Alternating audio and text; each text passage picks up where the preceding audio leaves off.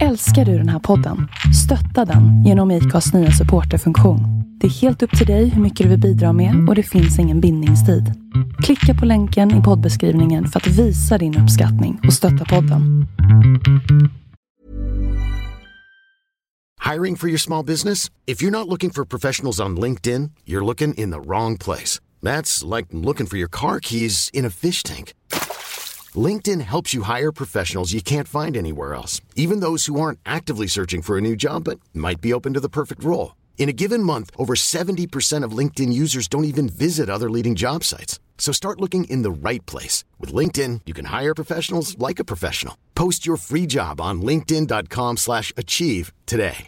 Hey, I'm Ryan Reynolds. At Mint Mobile, we like to do the opposite of what Big Wireless does. They charge you a lot, we charge you a little. So naturally, when they announced they'd be raising their prices due to inflation, we decided to deflate our prices due to not hating you. That's right. We're cutting the price of Mint Unlimited from $30 a month to just $15 a month. Give it a try at mintmobile.com slash switch. $45 upfront for three months plus taxes and fees. Promo for new customers for limited time. Unlimited more than 40 gigabytes per month. Slows. Full terms at mintmobile.com.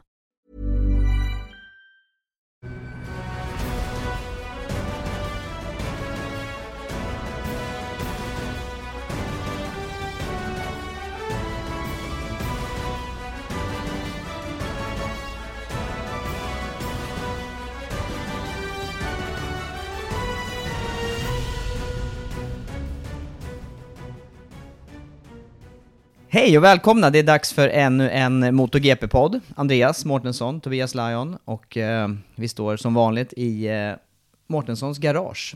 Det är rätt varmt här, jag känner att det verkligen är sommar nu. Hur känns det för dig? 25 grader här inne i garaget, det är väl precis lagom. Det är nästan bara överkropp, dags tänker jag. Kanske inte här inne just nu, men eh, i övrigt så är det ju det. Ja. Mm. Du, intensiv eh, period också. Hur känns det efter eh, senaste racehelgen i Barcelona? Det känns bra. Det var ju eh, andra raka racet vi var på och eh, snart är det dags vassen så att eh, man lever i den här lilla MotoGP-bubblan, tycker jag i alla fall.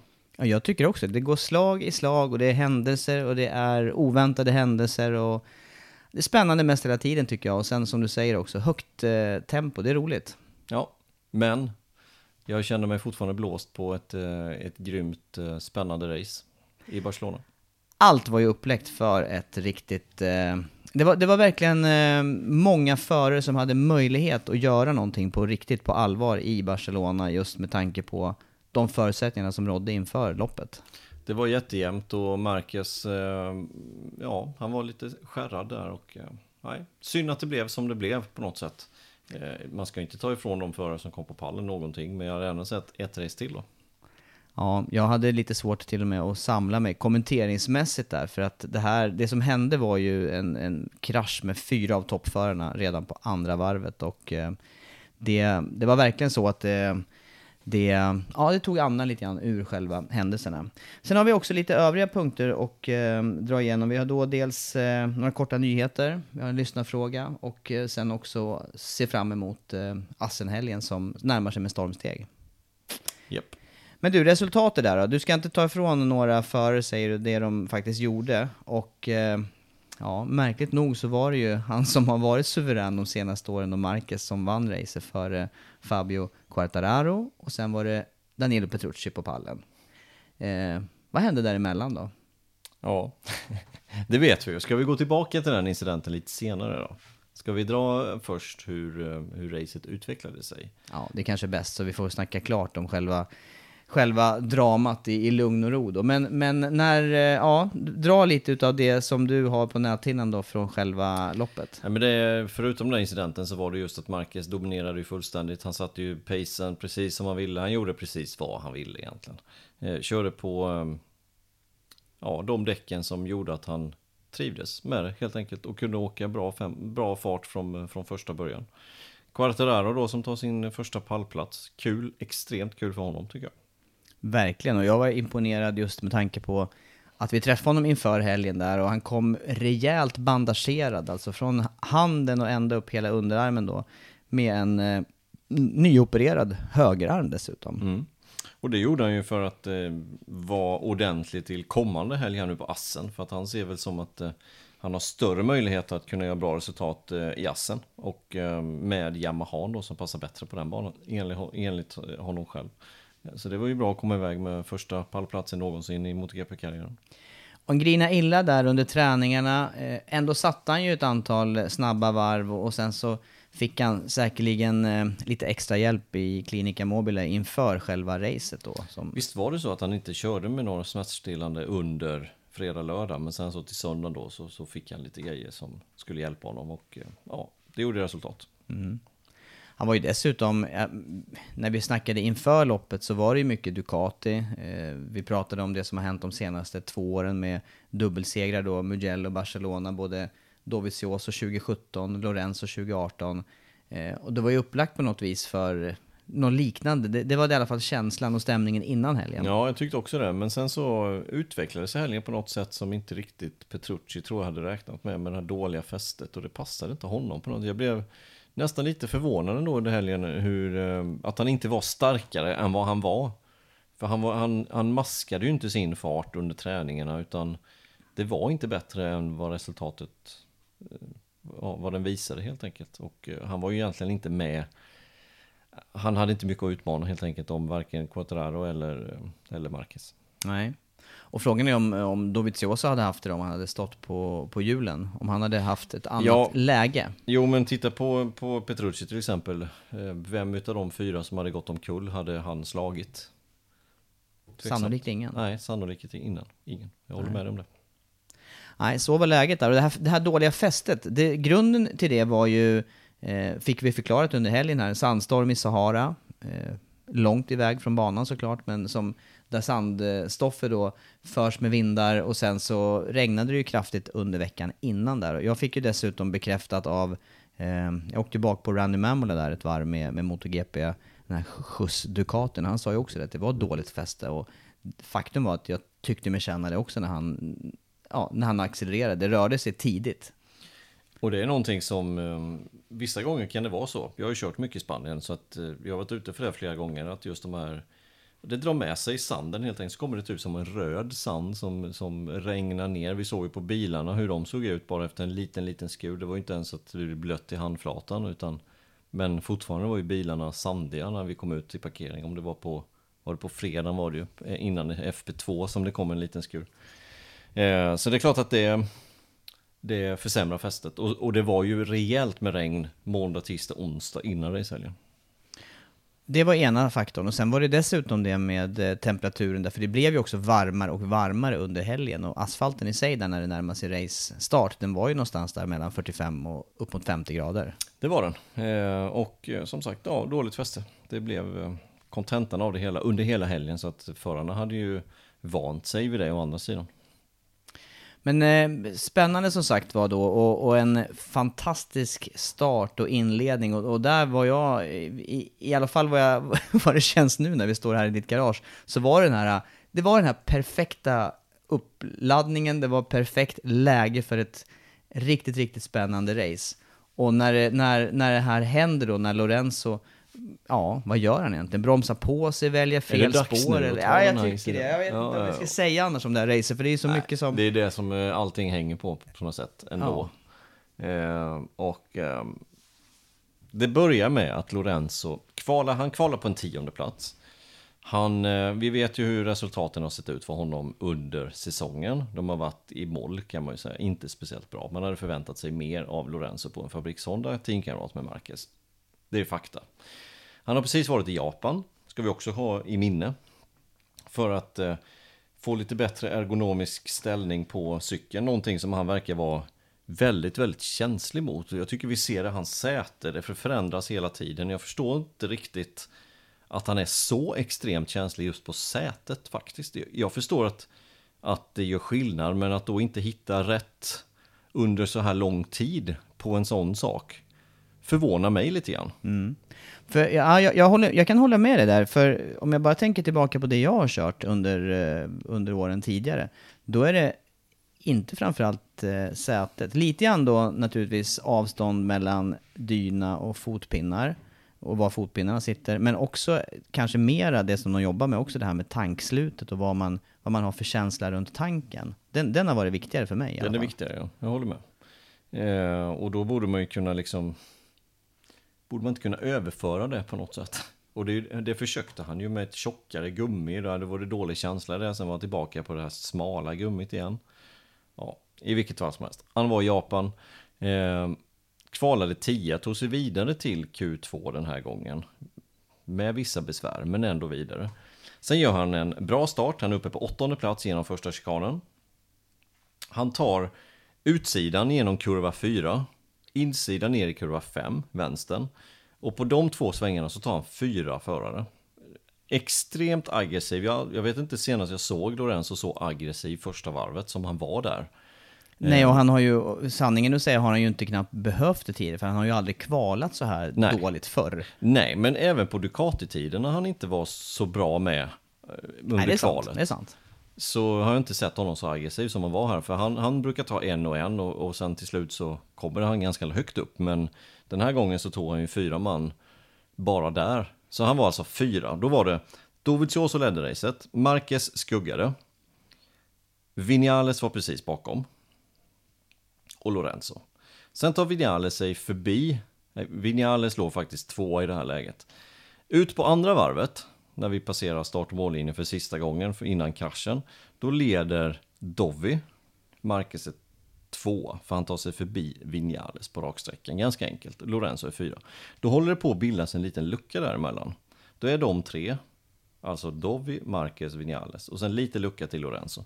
När de sen går ut ur kurva 9, som är alltså snabbhögen ut på bakraken, då får ju Dovizioso ett litet släpp. Det pumpar lite i bakfjädringen för hans del helt enkelt. Vilket gör att Marquez kan utnyttja det och komma nära. Dessutom så får Vinales, han får tippa av gasen lite grann. Vilket gör att Lorenzo kommer på, ja, på rulle bakom. Och kan liksom närma sig Vinales hela raksträckan. Han, han ligger både, han ligger i slippen. Plus att Vinales fick tippa av lite i snabbhögen. Så då hade Vinales sämre utgångshastighet. Så blir det ju. Ja. Vilket gör att Lorenzo närmar sig ganska fort i mitten av rakan och i slutet av rakan. Och när de sen klipper på bromsarna så bromsar ju, um, alltså Vinales bromsar ju extremt sent för han vet ju om att han har tappat lite grann i med den här pumpningen på Dovizioso så han fick tippa av gasen lite. Vilket gör att han kan flytta fram bromspunkten lite grann. då. Exakt, för han kommer inte dit lika fort som han gjorde normalt sett. Vilket gör att Lorenzo måste han har ju bestämt sig redan att jag ska bromsa mig förbi Vinales, punkt slut. Och då går man ju efter bromspunkten oftast på den man ska köra om. Även på den här nivån Andreas. Jo men det, så är det ju. Ja, ja, ja. Jag bara vill förtydliga här. För vi- det, det- det, det, kan ju, spontant låter det nästan som någon sån här, det har ju hänt mig också. Man har ju, Ja. man har ju suttit i spenaten bara för att man har gått på den andras bromspunkt. Och Ja. den har bromsat senare eller något. ja. Det, det fest, nu är vi helt offside här, men en annan sak. Så lurade man ju förare när man körde lite mindre klasser. Då låg man kvar bakom kåpglaset och sen så reste man inte på sig när man bromsade. Utan man bara bromsade. Och då blir ju de bakom bara, vad fan, ska han inte bromsa någon gång? Och bromsade på sig. För, för det är inga bromsljus och grejer heller som, som avslöjar när man klipper på bromsen. Nej, i vilket fall, Ja. Lorenzo bromsar för sent. Och när han väl har bromsat för sent, eh, då finns det inte mycket att göra. Eh, samtidigt så bestämmer sig Marquez på att utnyttja situationen också och gå förbi Dovizioso, vilket gör att Dov- Dovi blir ju sen in i Apex. Ja, han går för djupt in i kurvan 10 där ja. Blir det så?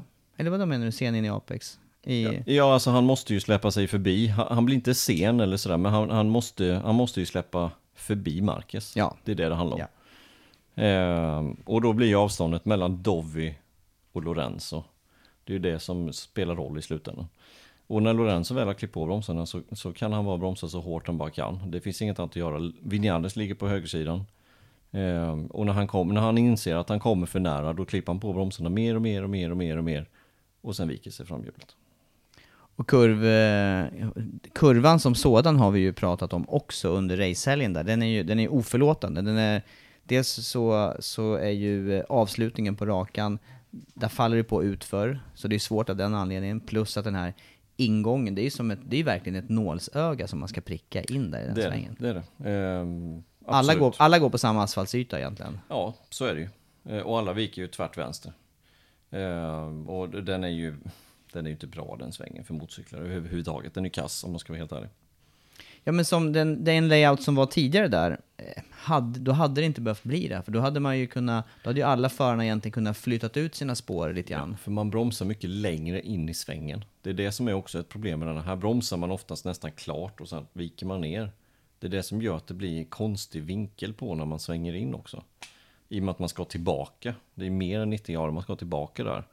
Eh, och, och jag har ju kört ombordvarv där nu några gånger. Jag har ju inte prickat den en gång den svängen. För att man, man bara, men alltså jag ska ju 90 grader tror man. Men man ska ju liksom tillbaka. Så att det, den är jättekonstig den där svängen. Det är inget, det är inget att säga om. Och med motorcykel så bromsar man annars normalt betydligt längre in i sväng. Ja, Och, och, Exakt. och backar av, släpper på bromsen vart, vart efter Ja. ju längre in du kommer. ja, och det kan man inte göra på det sättet i den svängen.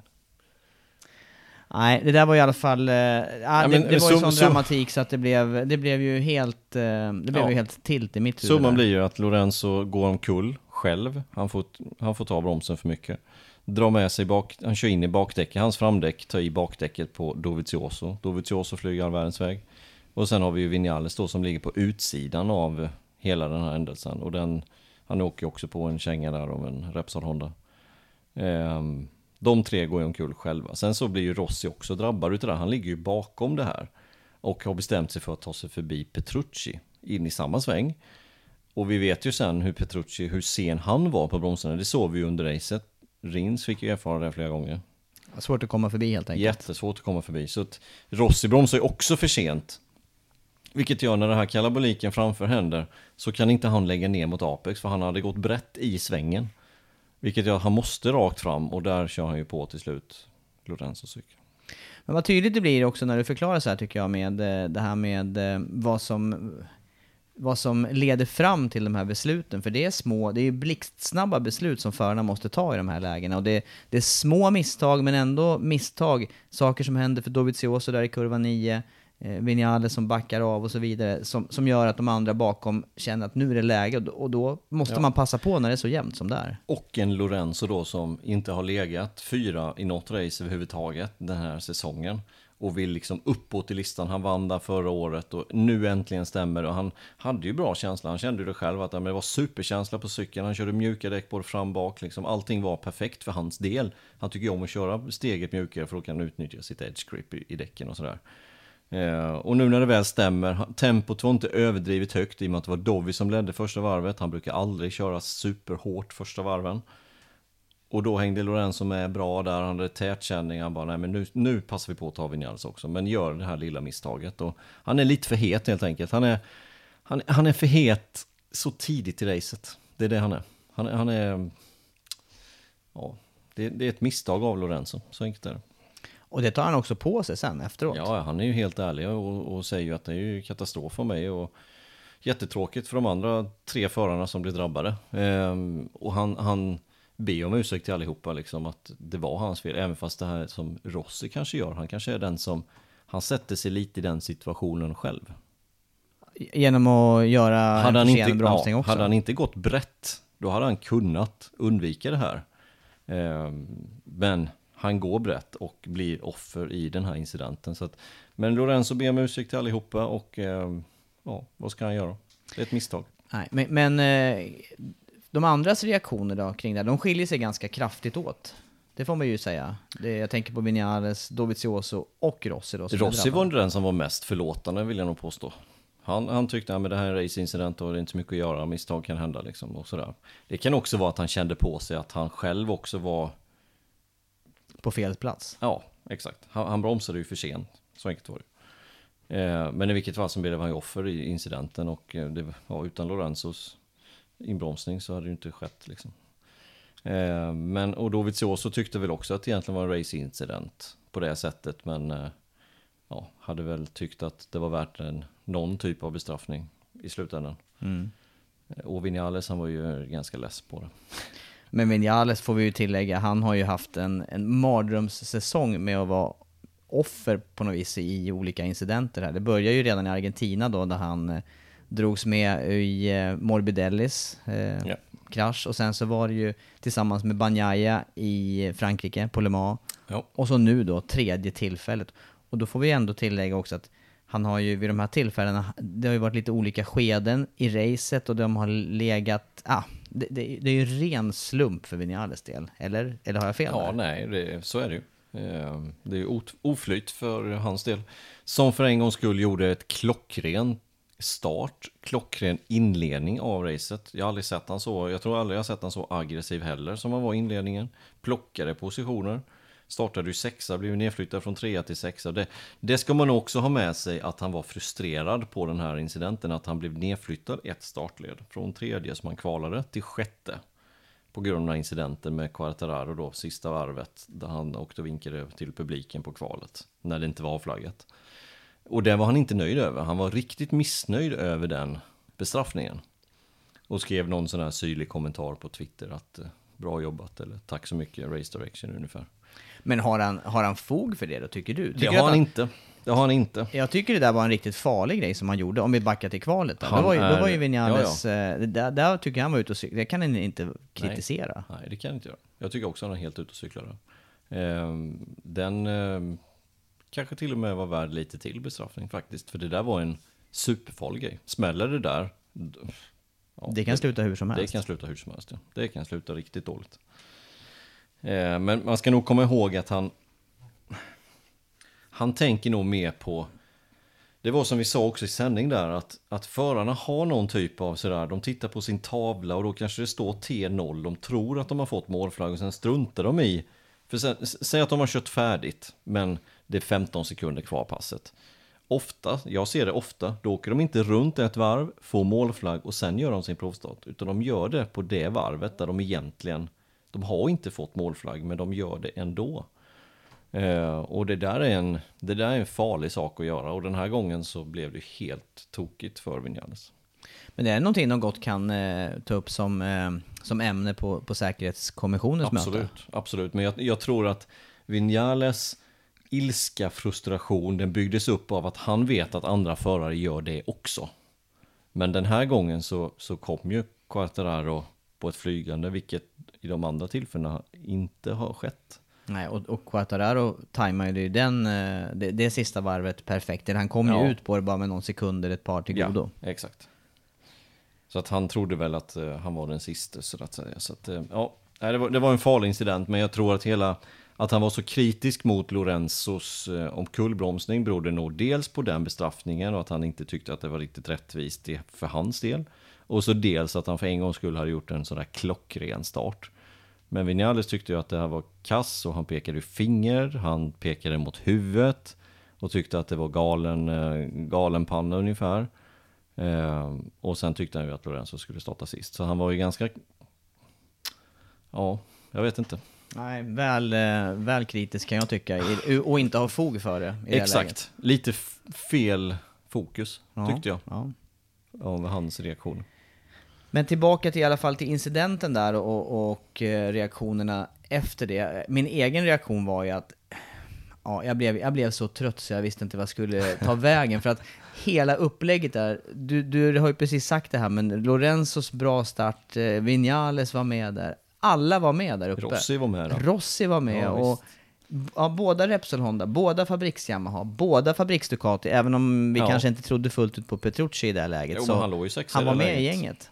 Så att det, hela, hela, hela gänget var med i toppen där. Och sen då förutsättningen här med dåligt fäste, lite olika däcksval och vi hade sett lite ojämna träningar. Det, det, det var så öppet allting. Och en Marquez som inte liksom var helt överlägsen och, och, och fick kämpa hårt för sina varvtider under träning. Även fast det sen såg bra ut på racet och sådär så, så var det inte klockrena, klockren fart för hans del.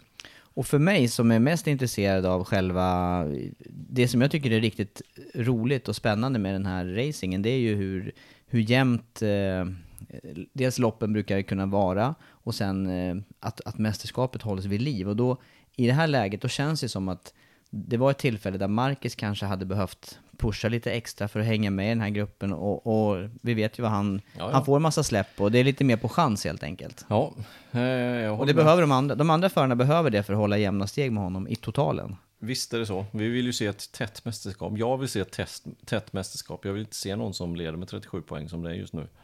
Eh, och bra race hela tiden. Det ska avgöras på sista varvet så sent som möjligt. Och det är ju det jag eh, tycker om att se. Och denna gången så blev det ju helt fel. Just i spänningsmässigt. Ja, det blev det faktiskt. Ändå var det ju inga, det var ju inte kilometerlånga avstånd. Det är ju inte så, här så att man kunde räkna på, på soluret och se. Men det var ju tillräckligt stort för att vi skulle reagera. Ja, nej men det är klart att två, tre sekunder var uppe som fem som mest. Någonting sånt där tror jag luckan mellan Marcus och de bakom. Och eh, det är ungefär med solur i MotoGP. Ja, faktiskt som det har varit. Som det har Ja. varit så är det nu. Ja men det är ju så. Det var helt överlägsen. Men summan blev ju ingen bestraffning för Lorenzo. Så blev det. Var det korrekt då? Ja, vad tycker du?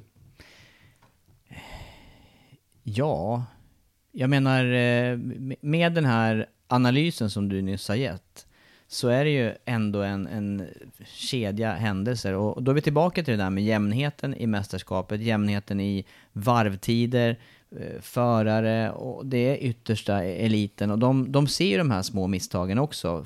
De ser det i realtid och som du säger där har, har beslutat sig för att göra den här, den här försöket. Då är det ju då är det rökt redan där när man eh, det, det är en miss helt enkelt. Ja. Och det var, ingen, det var ingen torpedering på det viset. Jag menar, vi såg ju, alla förare gick i det här fallet, eh, och det får man ju säga lite tur också, men de gick skadefria. Ja, Eh, det, det hade ju kunnat råka klippa någon, något ben eller någon fot där, till exempel när, när cyklarna gick ihop. Ja, Eh, eller att det ryker någonting. Nu har man ju luftkuddesystem i, i skinnställen så att man klarar nyckelben och sånt. Men det, backar man tillbaka några år så är inte det omöjligt i de där krascherna.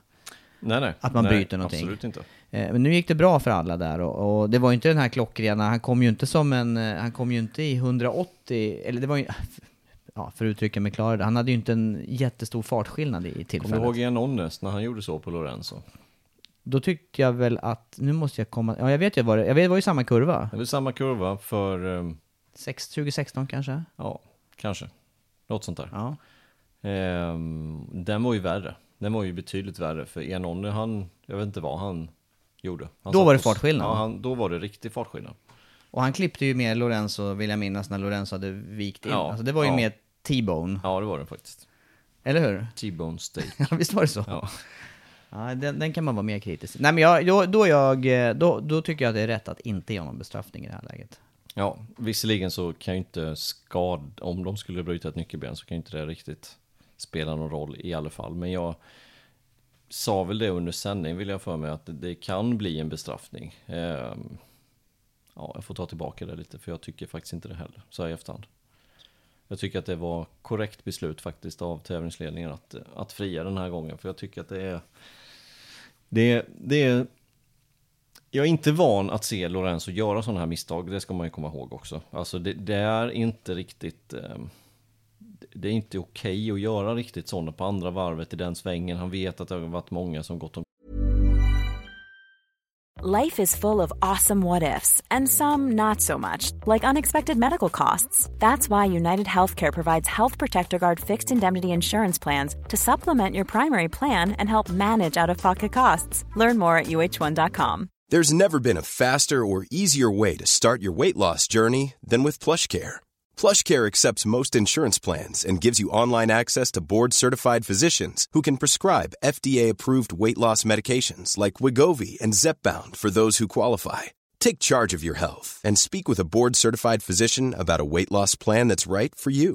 Get started today at plushcare.com slash weight loss. That's plushcare.com slash weight loss. plushcare.com slash weight loss. I'm Sandra, and I'm just the professional your small business was looking for. But you didn't hire me because you didn't use LinkedIn jobs. LinkedIn has professionals you can't find anywhere else, including those who aren't actively looking for a new job but might be open to the perfect role, like me. In a given month, over 70% of LinkedIn users don't visit other leading job sites. So if you're not looking on LinkedIn, you'll miss out on great candidates like Sandra. Start hiring professionals like a professional. Post your free job on linkedin.com slash achieve today. kull och så vidare och så vidare. Men fortfarande så var det en... Eh, det var fullt nedlägg, det, det släppte fram, det blev liksom tight. Han kunde inte vika upp, för där var Vinales. Eh, och sen så vill Alltså Dorna, MotoGP, alla vill ju ha publiken, alla vill ju ha supertäta race. Därför gör man ju de här förändringarna i reglementet som har skett. Att det ska vara enhetselektronik, det ska vara enhetsdäck, det ska vara olika saker som gör den här racingen som är. Då måste man ju också, på något sätt måste man ju ändå tillåta förarna också att göra lite misstag. Och gör man misstag, i och med att det är så här tätt, ja men då finns ju risken att man drar omkull någon annan. Mm. Och han gick ju faktiskt omkull själv också, så att jag menar det, det... Han gjorde ju precis vad han kunde för att undvika det. Men eh, det, det, gick ju inte helt enkelt. Det var ju så. Så att så här i efterhand, nu har det gått en vecka, lite till. Eh, och jag tycker fortfarande att det är rätt. Även fast jag inte hade protesterat om det vore tre platsers nedflyttning eller något liknande. Det hade jag inte protesterat emot. Tittar vi på Canuncio till exempel, han gjorde en helt annan sak visserligen, men han tog också ut tre andra förare i sin incident. Han fick, jag vill minnas att han fick sex platsers nedflyttning. Lite annan typ av incident. Han missar ju helt inbromsningen där och tar med sig tre stycken. Det gör ju inte riktigt Lorenzo på det sättet. Men eh, ja, så jag hade inte klagat om han hade fått tre platsers nedflyttning. För det, det hade ändå varit ett rimligt kan jag tycka. Men jag klagar inte nu heller när det inte blir något. Nej. Det är min slutsats. Sen får ja. alla andra göra sina tolkningar såklart vad som hände. Men detta är min analys. Ja, ja det var i alla fall, eh, det var lite... Eh, vad heter det? Man, man, man, I stunden där så, så gick ju mycket av upplägget förlorat, men, men vi ska ju inte förta som sagt var resultaten och de förarna som sen stod på pallen, Absolut deras insats. Och, Absolut eh, inte. Det är det det handlar om. Och i, i slutklämmen av det här så är det ju också det som, som gör det spännande. För jag menar, det kan vara, det kan vara åt något annat håll. Det kan slå, sådana här grejer kan ju slå åt alla möjliga håll under en full säsong som ändå är 19 racehelger. Det är klart det kan. Och eh, nu är det 37 poängs skillnad mellan, eh, mellan Marquez och Dovizioso. Och eh, alltså allting kan hända. Ett likna, liknande misstag igen och det är Marquez nästa gång och det blir en ar armbrott eller vad det nu kan vara för någonting. Ja, pang säger det. Då missar han kanske Sachsenring som är normalt sett 25, 25 säkra poäng för hans del och så, och så råkar Dovi vinna något race, då är det noll igen. Mm. Ja. Så att Alltså det, det, det, är det som är också tjusningen med den här sporten på något sätt. Att man, eh, man vet aldrig vad som händer. Nej. Nej. Eh, Barcelona-helgen var ju inte slut sen i och med racet heller, utan det fortsatte ju faktiskt en dag till. Vi kan ju ta lite kort om... Eh, det var ju faktiskt en testdag efteråt också där. Ja. Eh, förare, team var kvar på plats. Eh, alla, det, det, här var ett av de officiella test som är under året och eh, där så ja, hur är upplägget egentligen på de här testdagarna för, för förarna då framförallt? Vad är, vad är deras huvudsakliga uppgift? Eh, nej men det är ju öppen depå till att börja med, det vill säga att det bara kör hur mycket som helst. Eh, jag tror de startar nio och slutar fem kanske, något sånt där. 9 till 5 eller 10 till 6 eller vad det kan vara för någonting. Och sen är det bara att följa ett program som teamet har gjort åt. Vi vill testa de här grejerna och sen är det bara att testa de här sakerna. Eh, man jagar ju sällan varvtider. Det är ju om man ska testa någonting inför kval och man vill verkligen se push, push, push. Eh, men det är ju sällan man gör det, utan man, man letar ju mer efter känsla och någonting som kan utveckla cykeln helt enkelt. Men det gäller ändå att köra på den, eh, på något vis, på samma sätt under dagen där, så att man kan, ja. så att man kan utvärdera grejerna mot ja, varandra. Det går inte långsamt, men man ligger ju inte och, och smiskar de här extrema tiderna hela tiden, utan eh, man ligger i racetempo och förhoppningsvis lite bättre än så. Och så testar man de grejerna man, man har på agendan att testa. Och det är inte ovanligt att tiderna faktiskt kryper under det som Nej. har körts tidigare under helgen, för man har Nej. en dag till där, och vi pratar om det ofta under våra racehelger, att eh, det handlar om att bygga upp eh, setting på cykeln, elektronik och, och allting så att det lirar ihop. Och då har man ju faktiskt en dag till på sig att göra det på. Exakt, plus att det är ju helt utan press också den dagen. Man ska komma ihåg att det är ganska stor press under en tävlingshelg. Dels att det är press på att göra resultat, men också att man ska ta sig vidare till Q2 hela tiden. Man hinner inte hålla på och testa inställningar från första träningen till racet, utan det handlar också om att sätta bra varvtider och ta sig vidare. Osäkert väder på lördagen, ja då måste man sätta sitt snabb på FP2 och sen så, nej det var bra väder, och då måste man ladda som bara den då på FP3. Och sen är det lite racingställningar, FP4 och sen är det kval. Och sen så inför racet så är de sista liksom små detaljerna så man hinner liksom inte att bygga upp det heller på något sätt. Vilket gör att när man sen får då 60, 70, 80, 90 varv då går det fortare. Mm. Och det var ju faktiskt det det handlade om. Vinales slutade testdagen snabbast. Och eh, han var uppe någonstans där mellan 80 och 90 varv. Och jag, jag gjorde något snabbt överslag i huvudet där och tänkte att han körde ju en 40 mil eh, minst i racefart då på dagen efter. Ja, men han fick ju 22 varv mindre på söndagen då. Du hävdar, du hävdar att han vilar sig i form där. Han vilade sig på söndagen lite. Ja, det var mäktigt, mäktigt arbete då. Men det här är ju viktiga test och det är kanske lite olika inriktning också på fabrikerna eller på fabrikaten, vad de, eh, vad de eh, gör. Eh, Efter testerna där så pratar Marcus i alla fall om att det här var ett steg för honom att förbereda sig inför säsongen 2020 då. Ja, visst. För att Så ligga, för att ligga i, i, i fas med det. Visst. Det, det får man ju göra upp om hur det går och allting, eh, hur det ser ut inom teamet helt enkelt. Alla fabriker är ju helt olika vad de testar för någonting. Alla testar ju inte bara sving nu, utan det är ju olika hela tiden.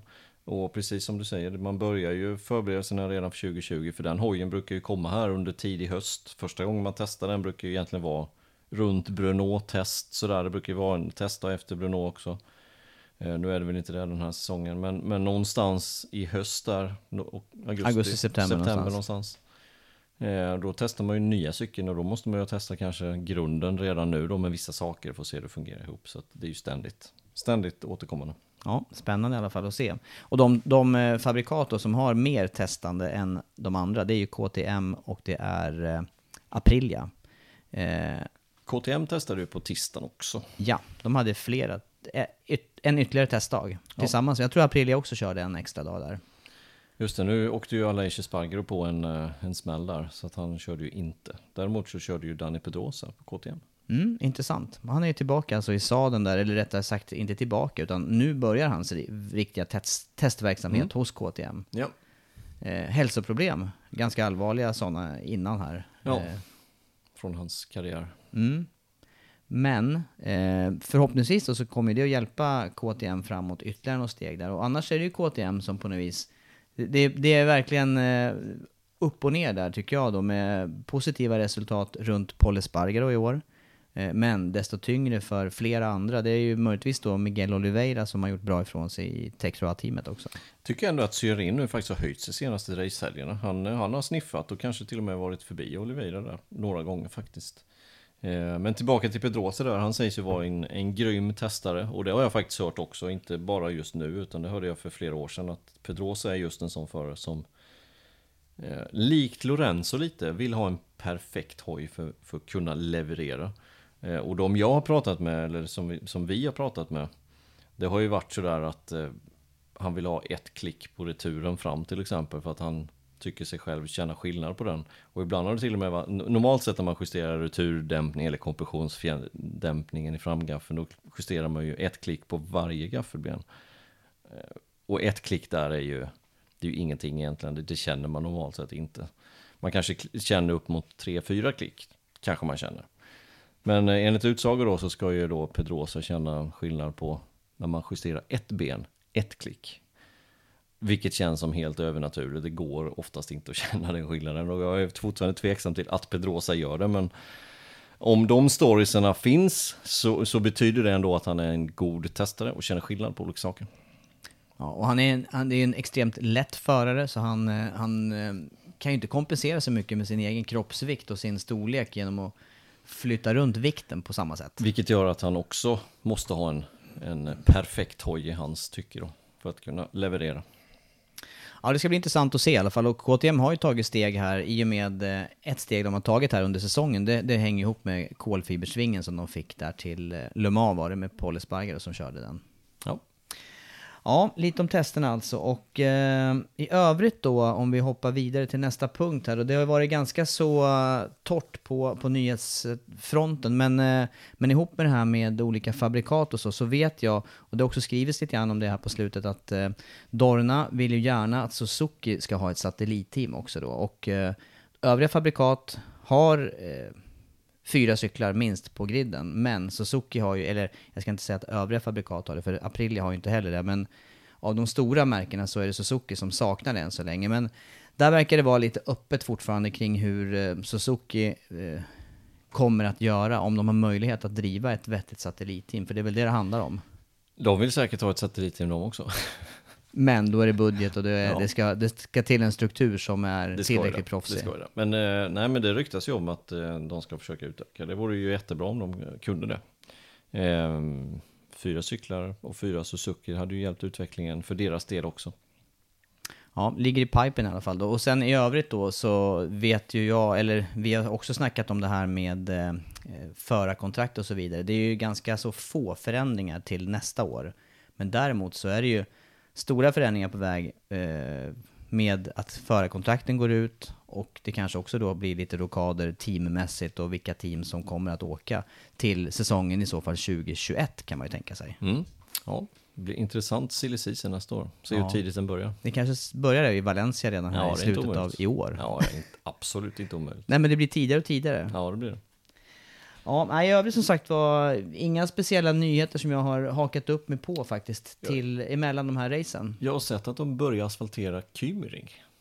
Jag har sett på lite bilder på sociala medier och lite nyhetssajter. Och det ska ju provköras där och testas. Ja, det ska göra det. I augusti någon gång ska det ju testas. Men eh, det känns som att de har rätt bråttom för att det ska kunna ske. Vi får fiska lite mer i det i eh, Holland här i helgen Ja. tänker jag. Det får vi göra. Ja. Du, sen har vi också en eh, stående programpunkt med eh, veckans lyssnarfråga. Och där vet jag att vi har eh, lite frågor att välja på. Men eh, det som vi fastnade för inför den här inspelningen, det var ju med eh, den här frågan. Var det, jag minns inte, Natasha, är det så?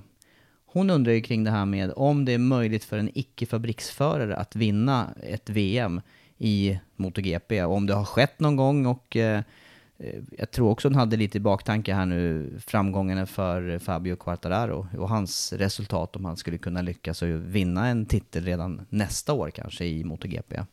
Ja. Så frågan är då, är det någon som har vunnit då på ett icke, eh, med icke-fabriksmaterial om man tar den här moderna eran? Ja, vi pratade om det och eh, i huvudet kan vi ju världsmästarna från 1980. Ja, du, är ju, du är ju extrem på det där, men jag, jag börjar lära mig i och med att, i 78 och med att är det du... egentligen då, för det är samma där 78, 79, 80. Men eh, från den tiden så vill jag påstå att det är inga icke-fabriksförare som har vunnit. Vad beror det på då? Varför, har man inte, varför lyckas man inte om man inte sitter på, ett, eh, på fabriksmaterial? Nej, det kan man ju fråga sig. Men, eh, nej, men det, det är ju lite vassare maskiner, så enkelt är det. ju. Och det var ju större skillnad förr än vad det var, än vad det är idag. Det är ju precis som hon skriver där, så det är bara att titta på eh, Petronas Yamaha till exempel, alltså Quattararo och Morbidello, de sitter ju på riktigt, riktigt bra cyklar. Crutchlow sitter på en riktigt bra cykel. Eh, Men det, det når inte hela vägen fram ändå, för att det är inte lika bra. Sen ska man komma ihåg att de, de bästa förarna sitter också oftast på de bättre, bästa cyklarna. Och sen attraherar det också den eh, absolut kunnigaste personalen. Och så finns det Ja. massa personer som jobbar i kulisserna också. Och det som är mycket personalkrävande och resurskrävande, det är ju både det här med elektronik och aerodyn- aerodynamik också. Som kostar mycket pengar. Mm. Och det, den delen kommer ju inte riktigt eh, eh, satellitteamen åt. Eller de har, de har inte de budgeterna så att de kan eh, ha den personalen. För det är väl det som är stora kostnaden i slutändan. Ja.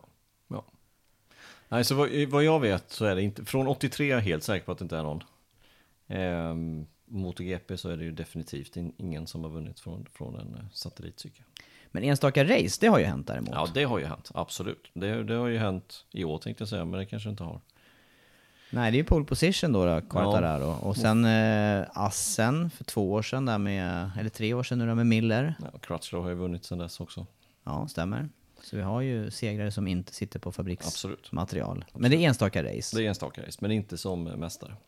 Men går det då att ta sig hela vägen då som eh, till en VM-titel? Det är ju, det är ju, eh, det är ju en större fråga, en större, betydligt större uppgift än att lyckas under en enstaka racehelg. Det är ju det, och eh, frågan var ju lite om Quattararo kan vinna VM nästa år. Och eh, det är klart han kan, alla kan, alla startar på noll poäng nästa års säsong, men eh, jag tror inte det. Jag tror att, jag tror att det är ganska långt ifrån om jag ska vara helt ärlig på en hel säsong. Vad är det som gör det då? Vad, vad grundar du Nej, det men det grundar jag lite i Quattararos, eh, han, han, nu är det bara sju race som är kört, men han behöver mer erfarenhet. Behöver han. Eh, skulle jag säga i alla fall. Eh, vi, har, vi har sett att han är blixtsnabb på ett varv, men sen när det kommer till race så har han fortfarande lite att lära. Eh, och det är inte så konstigt, sju race. Så att, Där hade han ju säkert varit hjälpt av att ha hela den här gruppen med i racet nu i eh, Barcelona senast. det tror jag också. Läromässigt tänker Ja, jag. ja visst, det tror jag också. Eh, tittar man på Marquez debutsäsong så var inte den heller prickfri på något sätt. Eh, han vann ju visserligen VM första året han körde, då körde han ju på fabriksmaterial, bra material direkt. Eh, men den var inte prickfri på något sätt och eh, det var mycket det var mycket misstag och olika saker både för Lorenzo och Pedrosa den säsongen som gjorde att till syvende och sist att, att eh, Marquez kunde vinna första året. Så det är inte lätt. Nej. Och andra året så var han ju snabb som sagt då, men ja, jag tror det blir svårt för Quattararo nästa år att vinna. Sen kommer han säkerligen vinna race, det tror jag. Men vinna VM är en annan sak. Ja. ja, det känns som att, eh, det, känns som att eh, det ligger tillräckligt nära det jag tänker också, så att jag, jag utvecklar inte det där något mer heller. Nej, men jag, jag tror också att det är svårt att göra det nämligen, för att det, det, det är för många bitar som, som i totalen fattas då för att göra en hel full säsong och, och nå ända till en VM-titel. Ja, och då är det ju nedräkning till Assen nu då, som väntar. Ja, Det är eh, mindre än en vecka kvar. Det är bara några, några, några få dagar kvar. Vad heter den? Circuit van Drenthe. Van Drenthe ja. Drenthe är ju själva området där va, i Holland. Regionen ja. Ja. Fast nu sa du ju faktiskt fel där. Det är inte regionen i Holland, för Holland är ju också en region. I Nederländerna. Nederländerna. Bra att du är med och rättar här. Du är ju geografilärare. Ja, det borde jag, Tobias. det Du borde jag ha full det koll på. Det där borde jag ha koll på. Så Assen ligger alltså inte i Holland, det ligger i Drenthe. Ja, Och där, har, där har du varit många gånger, jag har varit många gånger. Ja, så är det ju. Eh, Men jag har faktiskt inte kört race där sedan eh, 2006. Så det var ett tag sedan. Mm, Men då jag, körde jag ju och, å andra sidan fyra år i rad. mm, och jag får backa tillbaka ytterligare ett par år där. Och där har man ju också alternerat rätt mycket sträckningar. Jag körde Mm. något race på den här fulla GP-slingan, den gamla. Jag körde på den här äh, nationella slingan där man viker av precis efter depån där. Och nu ser den ju ut på ännu ett sätt här. Ja, sista året vill jag få mig, eller om det var till och med 2000, jag kommer inte ihåg när de byggde om den. Antingen var det till 2005 eller så var det till 2006. Jag kommer inte riktigt ihåg. Jag tror faktiskt att det var till 2006 som den ser ut som den gjorde, som den gör nu. Eh, så jag har ju kört på som den såg ut förr och som den såg ut som den ser ut nu. Eh, med den här avknoppade första delen av banan helt enkelt. Vad säger du där då om, eh, om skillnaden mot som den har sett ut tidigare då? Det är ju, nu det är ju det- historia, det är ju långt Ja, tillbaka. nu är det ju historia. Nu är det 14 år sedan den såg ut som den gjorde förr. Men nu är det ju som det är. Men det är klart att den var roligare förr. Men eh, ja, ja, nu ser den ut som den gör. Med den här långa, långa högersvängen inledningsvis. Men man kan ju se lite grann att det är en annan karaktär ändå på den här första delen, den som är ny, mot den Ja. gamla delen som ändå finns kvar där bakom depån, Ja, bort exakt. mot Men eh, den är också området. lite omgjord. Det är det som är lite synd med den. Att den, den är också den, den eh, in i Debult till exempel. Nu vet jag inte vilket kurvnummer det är. Men efter bakraken svänger det höger och sen så går det rakt fram och sen svänger det vänster. Fram till den, där var det också böljande partier. Det var en väldigt hård banking i den Debult som den kallas. Eh, det är det inte längre. Så att de har gjort om på andra ställen också. Så det gick fortare helt enkelt efter bakrakan och sen bort vidare när det, Ja. när det vek vänster bortåt. Gick fortare och sen så var det, nu är det mer en raksträcka. Innan var det böljande partier där också. Som det var fullt igenom visserligen men eh, förändringar har skett säkerhetsmässigt. Men det är en bana som eh, i alla fall eh, bjuder på bra racing fortfarande och det är ju, Ja, den, har den den varit- utjämnar skillnaden mellan fabrikat och förare. Ja. Vad tänkte du på? Har den varit på kalendern sedan 1949? Ja, jag, ja, jag vill minnas att det här är en av de ursprungliga banorna. En av de som alltid har använts. Det är lång tid. Traditionsrikt. Ja, faktiskt. Och det var 70-årsjubileum utav VM här just förra helgen i Barcelona. Då var det lite extra firanden och, och man firade att VM-serien har hållit igång så länge. Och Assen är den bana som har varit på kalendern längst och mest. Just det. Det skulle vara någon uppvisning också för att var det inte Honda som hade varit med i, i största klassen eller GP-sammanhang i 60 år, tror jag. Mick Doohan skulle köra någon NSR 500. Häftigt. Och sen var det någon annan förare som skulle köra också någon gammal klassisk hoj. Har du sett det här? Nej, det här är nytt för mig. Nej. Eh, Det måste vara på, nät, det måste vara på hette. internetet det här. Ja, det var, på, det var sådär moderna som jag läste det på, på någon webbsida. Var det så? Ja, men www-adress? nu kommer jag inte ihåg exakt numret på den här cykeln, men det var en RC och så var det tre nummer. Var det så? Ja. Kan du, kan du veta vilken hoj det är då? Men nu sätter du mig på något, alltså är det långt, långt tillbaka eller? Nej, det vet jag inte. Ingen aning. Nej, Det är, det är inte någon, bara någon tidig MotoGP-hoj du är ute och fiskar efter? Nej, nej det är det inte. Nej, nu får nästan, Nej, det får du får nästan gå, ta får, fram ja, här. ta fram internetet. Ja. Det tycker jag att du kan göra under tiden här. Men jag tänker att eh, det, det som jag ser fram emot här nu till helgen, det är ju med färskt minne förra årets race. Det var 100 omkörningar i topp 10 då. Ja, det, Det var helt ett sånt- otroligt. Det helt det- otroligt. Det var ett sånt där lopp där jag i, från kommentatorsplats knappt uppfattade att det pågick ett race. Alltså det var, starten gick och sen var det målgång. Det var min känsla där. Faktiskt, jag håller med om det. Eh, helt otroligt race var det faktiskt. Till slut så fick ju Marquez den här lilla, lilla luckan. Och det fick han egentligen på sista varvet. Jag tror det var Dovi och Rossi som gick brett där in i kurva 1. Och gav Marquez den här lilla luckan och eh, sen cruisade han hem det där till slut.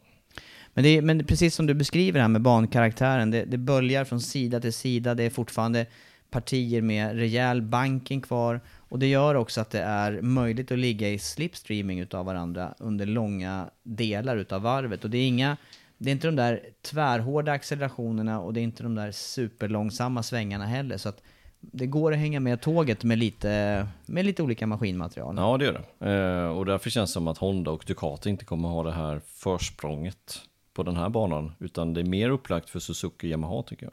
Nu har jag hittat här. Mm, berätta vad det är för Mick kombination. Doohan ska köra en NSR 500 och eh, Kunimitsu Takahashi ska köra en RC 142. Oj, det låter som eh, en tidig hoj. Jag sa att det var RC och så tre siffror, men jag har ingen aning om vad det är för cykel. Nej, inte jag heller. 142, det är annars en Volvo-kombination.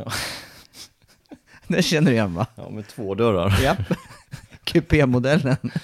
Bara lite mindre fyrkantig. Och detta de ska göra det är alltså ett sånt här lap of honor. Och det kommer gå av stapeln 13 och 21.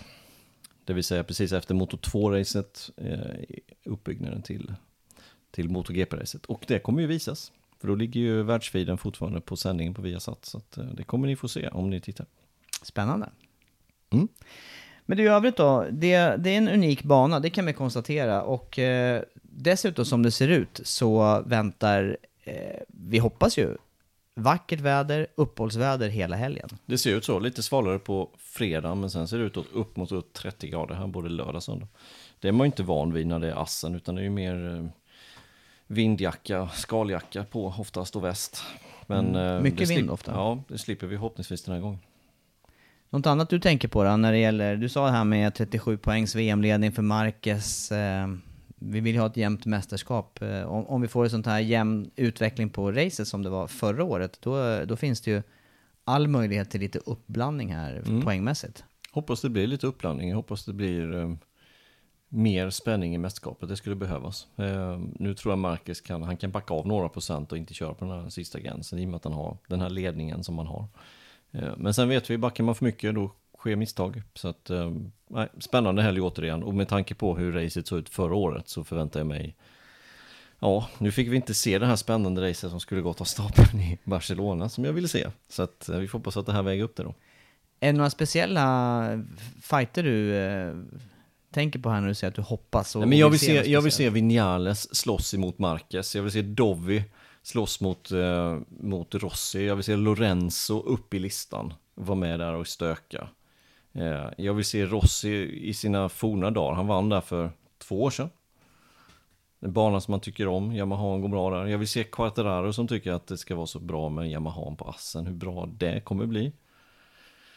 Och så har vi inte förglömma, och det har vi inte sagt särskilt mycket om, varken i eftersnacket från Barcelona eller inför det här, men Suzuki också, med både, både Rins, som vi vet vad han kan göra, en raceseger i år, och dessutom Mir som har lyft sig också tycker jag. Fyra och sexa förra racet och eh, förra året på Assen så blev ju Rins 2, hans bästa resultat dittills. Eh, så han kan mycket väl vara med också och stöka och han vet vi är riktigt bra på att racea så att eh, ja, väldigt, väldigt öppet. Väldigt öppet.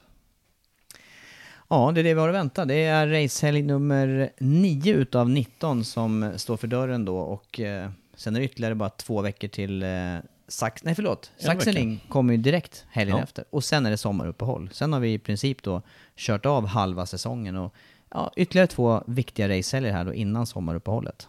Ja, Och vad ska vi göra i helgen då? Vi ska ta reda på lite mer om Kymering Ja, och träffa Dovizioso. Det ska vi göra. Reportage om Dovizioso på söndag. Tänker du något mera? Nej, det var väl det jag tänkte på. Och sen så gör vi lite magasin. Torsdag, fredag, söndag. Facebook är det som gäller, får se dem. En studio 13.30. Sen är det ett annat race också den här helgen som gör att Viasat Motor är upptagen. F1 på Red Bull Ring, Österrike. Så eh, troligtvis så kommer det ju vara Viasat Sport som gäller för MotoGP den här helgen. Ja, känner vi oss uttömda för idag? Ja, Jag tycker det. Eh, som ni hör då, följ oss under helgen då på någon av våra kanaler, sannolikt via Satt Sport. Och så tackar vi för den här eh, stunden och avrundar. Tack Så gör mycket. tack.